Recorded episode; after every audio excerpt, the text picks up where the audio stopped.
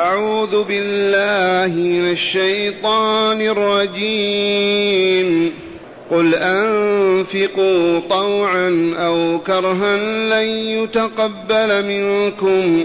إنكم كنتم قوما فاسقين.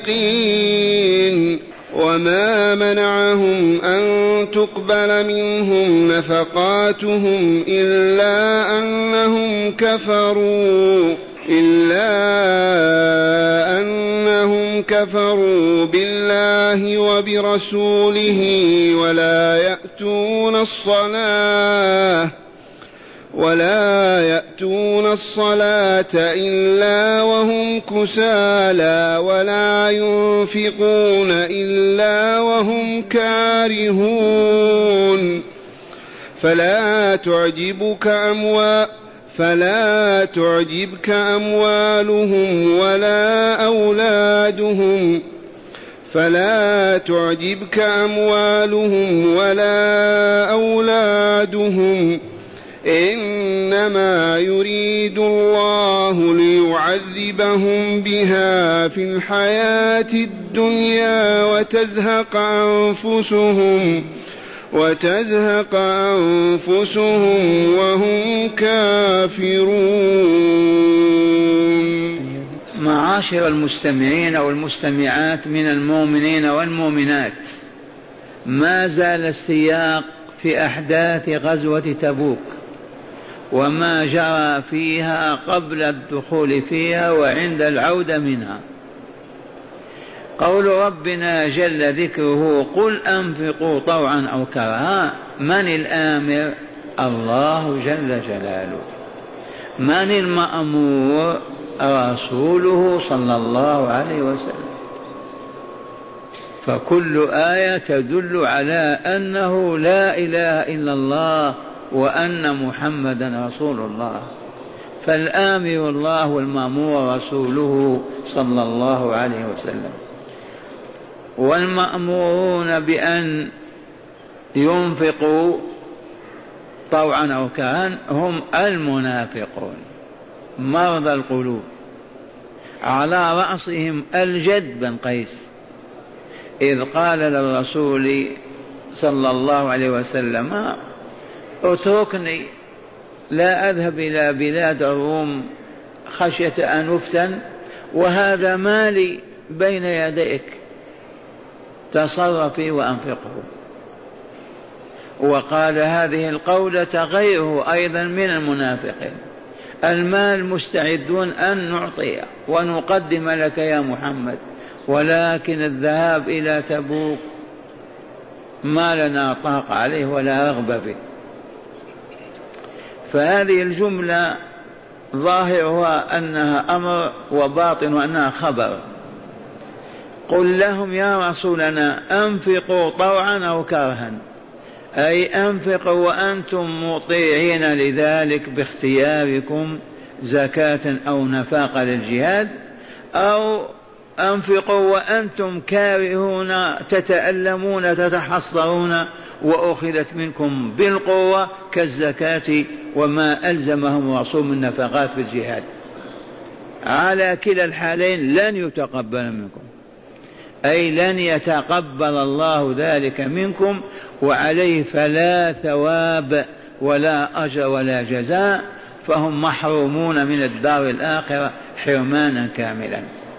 قل لهم يا رسولنا بلغ أنفقوا أيها المنافقون في الجهاد وغير الجهاد طوعا بطواعية من أنفسكم وإن كنتم لا تريدون ذلك لكن النفاق يتطلب أن ينفقوا حتى يسطروا عن عن عوراتهم ولا يعرفون بأنهم كفار. أو أكرهتم على الإنفاق فأخذ منكم. الكل لا تثابون عليه ولا تجزون به. وهذا معلوم عند المؤمنين أن نفقات الكفار لن تغني عنهم من الله شيئا. يبنون المدارس يبنون المشافي يتبرعون بكذا وكذا وهم كفار هل ينتفعون بذلك؟ لا والله لن تقبل منهم لأنهم أعرضوا عن الله ودينه وكفروا به وبرسوله ثم ينفقون من أجل أهواء وأطماع أيضا وأغراض فاسدة. ما هو لوجه الله تعالى خوفا منه أو حبا فيه لمصالح دنيوية. قل أنفقوا طوعا أو كرها لن يتقبل منكم. لماذا؟ علل يا رب إنكم كنتم قوما فاسقين. ذي العلة. فسقوا هنا خرجوا عن دائرة الإيمان والإسلام. الفاسق الذي خرج عن الطريق والفويسق الفأرة تخرج من الغار. إذا فمن خرج من الإسلام فسق وإلا لا؟ فسق بكله ففسقوا بكفرهم بالله ورسوله ولقائه. أضف إلى ذلك فسقوا في ترك أكثر الواجبات وفعل أكثر المحرمات. والشاهد عندنا الفسق هنا بمعنى الكفر. إنكم كنتم قوما كافرين. أي فاسقين عن دائرة الإسلام خرجتم منها. تكرهون رسوله وتحاربون أولياء ولا تقبلون شرعه ولا دينه. أي فسق أعظم من هذا. أما فسق المؤمن بأن يترك واجبا أو يغشى محرما فالفسق هناك خروج عن طاعة بترك واجب أو فعل محرم ولا يكفر صاحبه إلا إذا كان مستحلا لترك ذلك الواجب أو لفعل ذلك المحرم. ولهذا تقول كل كافر فاسق وليس كل فاسق كافر. كل كافر فاسق وليس كل فاسق كافر. ثم قال تعالى لرسوله وما منعهم أن تقبل منهم نفقاتهم إلا أنهم كفروا بالله وبرسوله اولا ولا يأتون الصلاة إلا وهم كسالى ثانيا ولا ينفقون إلا وهم كارهون ثالثا. هذه ثلاث عظائم. إذا قلت لم ما تقبل نفقتهم؟ ما منعهم أن تقبل نفقتهم؟ ما المانع لعدم قبولها؟ بين تعالى ذلك بنفسه. اولا لأنهم كفروا بالله وبرسوله. ما آمنوا بأن لا إله إلا الله ولا أن محمد رسول الله. ابدا. هم يؤمنون بوجود الله كشيء كشأن غيرهم من المشركين ولكن ما آمنوا بالله حق الإيمان بأسماء وصفاته وجلاله وكماله. ثم ما صدقوا فيما أخبر به ما آمنوا به. كفروا بالله وبرسوله وهذا الذي قلنا خروجهم عن الإسلام. من كفر بالله ورسوله خرج من دائرة الإسلام فسق كل الفسق وبعد كل البعد. ثانيا ولا يأتون الصلاة إلا وهم كسالى. يأتون الصلاة لأنهم يدعون أنهم مؤمنون مسلمون. لو تركوها أقيم عليهم الحد وقتلوا أو كفروا وقتلوا لا يبقون مع رسول الله في مدينته. إذا يأتونها وهم كسالى. ذي صفة لازمة لهم لا تفارقهم. ولهذا أثقل ما يكون عليهم صلاة الصبح وصلاة العشاء. لأن ما فيه أنوار كما هي الآن. يخرجون في الظلام والطين والمطر فلا يخرجون إلا وهم كارهون. ولا يأتونها حتى الظهر والعصر وهم كسالى لا يكادون يتحركون. وسبب ذلك ما آمنوا بالله ولقائه ولا بالإسلام وشرائعه ولا عرفوا أن الصلاة تزكي نفوسهم وتطهرها ليقبلها الله عز وجل ليتأهلوا إلى جواره والنزول بدار السلام مع الأبرار. ما آمنوا هذا الإيمان؟ كيف يصلون من أجل الخوف؟ حتى لا يقال ما صلوا كافرون ولا يأتون الصلاة إلا وهم كسالى. وفي آية النساء ولا يذكرون الله إلا قليلا. فلهذا أحببت أن نلفت النظر. يا أبناء الإسلام يجب أن ننشط للصلاة. ولا نقوم لها متكاسلين. اطردوا هذا من نفوسكم. أو نتشبه بالمنافقين. كان الرسول صلى الله عليه وسلم إذا سمع المؤذن فزع فأنت إذا سمعت الله أكبر انشط. ما تقوم تتباطى كأنك ما أنت راضي هذه الصفة نرجو الله أن لا نتصف بها. النشاط للذهاب إلى الصلاة. ثانيا ولا يذكرون الله إلا قليلا. يركع ما يقول سبحان ربي العظيم لا مرة ولا ثلاثة ولا عشرة. يسجد لا يقول شيئا. لأن الذكر هنا يتناول ألف الصلاة ما يذكرون الله فيها. بس يركعون ويسجدون ليراهم المؤمنون أنهم راكعون ساجدون. وهذه الصفة أيضا يجب أن نتحاشاها. فعلى الأقل تقول سبحان ربي العظيم ثلاث مرات في ركوعك. سبحان ربي الأعلى على الأقل ثلاث مرات في سجودك. لا تكون بس راكعا ساجدا فتتشبه إذا بهؤلاء المنافقين. ولا يذكرون الله إلا قليلا. في الصلاة وخارج الصلاة لو تعد ذكرهم لله نادر ما يذكرون الله. إلا في مناسبة يقولون قال الله أو كذا. أما أن يتقربون إلى الله بذكره سواء بسبحان الله وبحمده سبحان الله العظيم أو بلا إله إلا الله أو لا إله وحده لا شريك له له الملك والحمد على كل شيء قدير أو بأي نوع من أنواع الذكر ما يذكرون إلا نادرا. وعلة ذلك كفرهم وفسوقهم. ولا يأتون الصلاة إلا وهم كسالى ولا ينفقون إلا وهم كارهون. ما ينفقون في الجهاد كما دعا الرسول إلى غزوة تبوك أو غيرها ولا ينفقون أيضا إخراج الزكاة. ترى أنهم يخرجون الزكاة راضين بذلك مطمئنين ساخطين كارهين. لمن نعطي أموالنا؟ النفقة على الفقراء والمساكين إذا دعوا إليها ما ينفقون إلا وهم كارهون لأنهم لا يؤمنون بالجزاء في الدار الآخرة. هنا هذه الصفة أيضا يجب أن نتحفظ منها. ما ننفق نفقة ونحن ساخطون كارهون سواء كانت الزكاة أو غير الزكاة. ننفق نفقة وصدورنا من شرحا وقلوبنا مطمئنة ونحن فرحون مسرورون بتلك النفقة. لا حزينون كاربون لأننا أخرجنا مالنا. وإلا تورطنا في هذه الصفات. ولا ينفقون إلا والحال أنهم كارهون. المؤمن ينفقون وهم فرحون مسرورون ما هم ساقطون كارهون بل راضون. ثم قال تعالى مخاطبا رسوله والمؤمنين فلا تعجبك يا رسولنا أموالهم ولا أولادهم. ونحن كذلك يجب أن لا تعجبنا أموال الكفار وأولادهم وما هم عليه. هؤلاء ما لهم قيمة بالنسبة إلى الكفار اليوم ومع هذا يقول الله لرسوله لا تعجبك أموالهم ولا أولادهم فتصر بها أو تفرح أبدا فلا تعجبك أموالهم ولا أولادهم. ومن هنا على كل مؤمن ألا يعجب بمال الفساق والفجار والكفار وآكلي الحرام وما إلى ذلك. فيحاول أن يقتدي بهم أو يأتسي أو يتمثل حياتهم.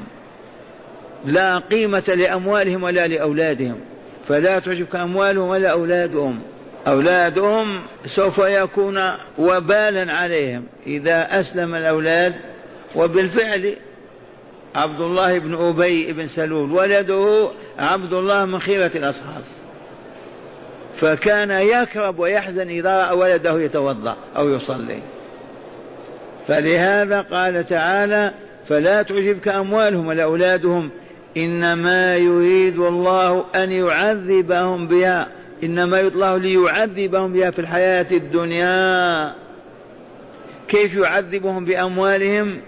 إنفاقها بالكره عذاب أشد عذاب. أخذ المال منك وأنت كافر ما عذاب؟ عذاب. يخرجون الزكاة وجوبا وهم متألمون. أولادهم كما قلنا دخلوا في الإسلام ويتوضؤون ويصلون ويقرؤون القرآن وهم كربون حزنون ما يستطيع يقولوا لا.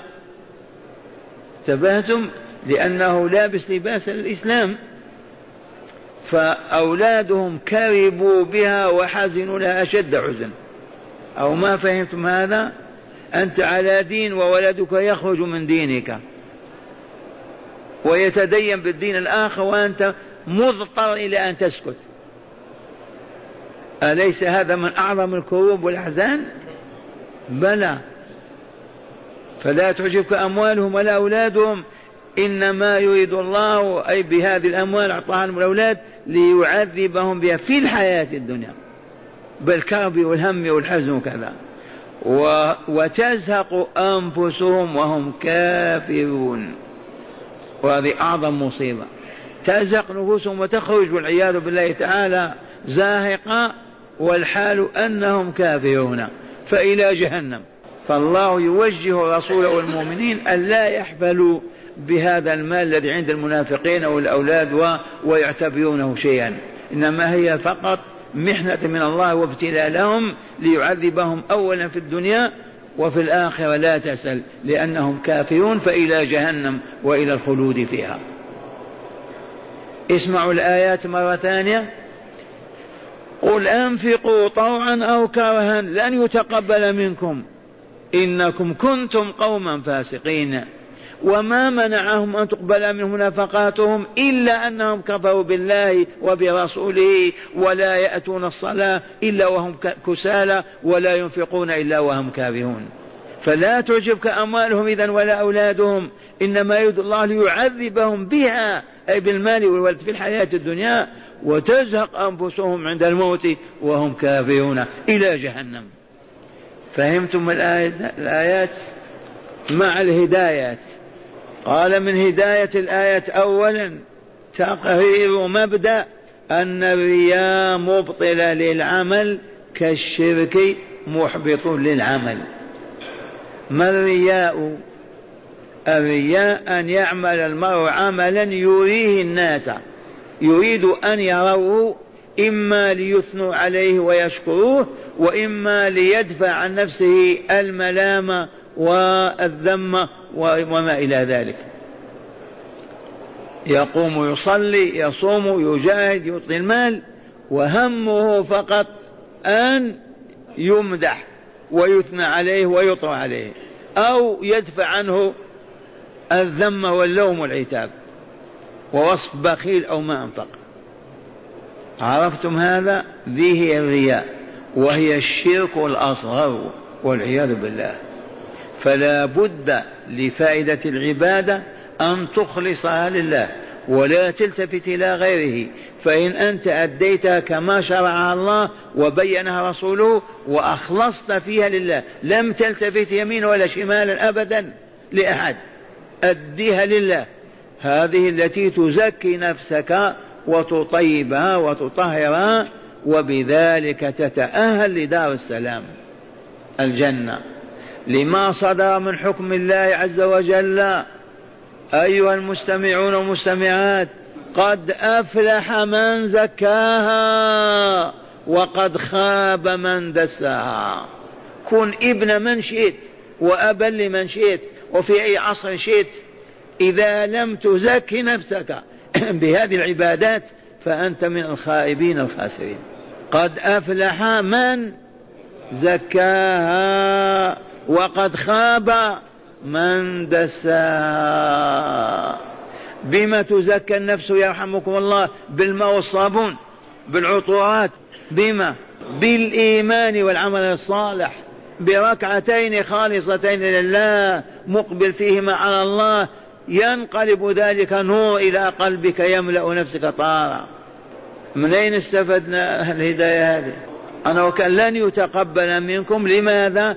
لأنهم فاسقون لا يؤمنون ولا ينفقون لوجه الله تعالى وإرادة الجزاء الأخروي.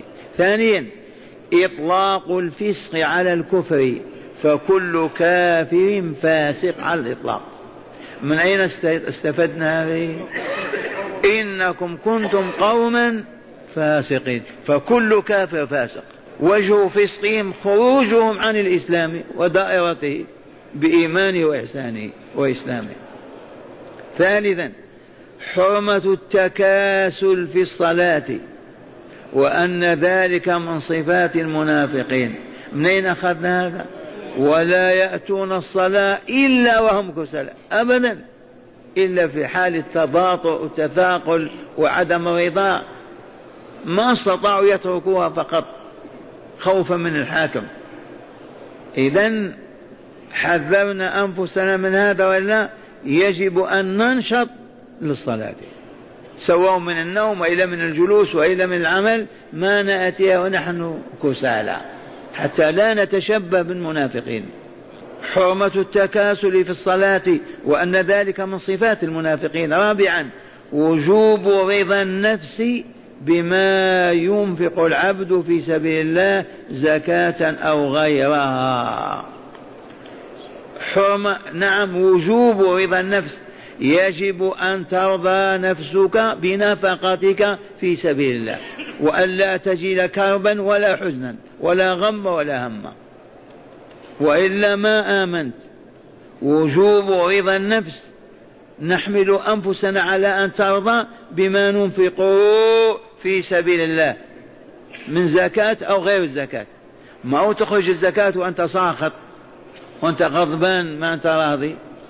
ولا أنت تصدق بصدقة وأنت في كرب وهم. يجب أن نجاهد أنفسنا حتى ننفق النفقة وكلنا رضا وطمأنينة. منين أخذنا هذا؟ ولا ينفقون إلا وهم كارهون والعياذ بالله. صغرت النفقة أو كبرت زكاة كانت أو غير زكاة. لا ينفقون إلا وهم كارهون. لماذا؟ لأنهم لا يؤمنون بالجزاء في الدار الآخرة. لأنهم غير مؤمنين. ولا يعرفون أن هذه الزكاة تزكي أنفسهم وتطهرها لجهلهم وكفرهم.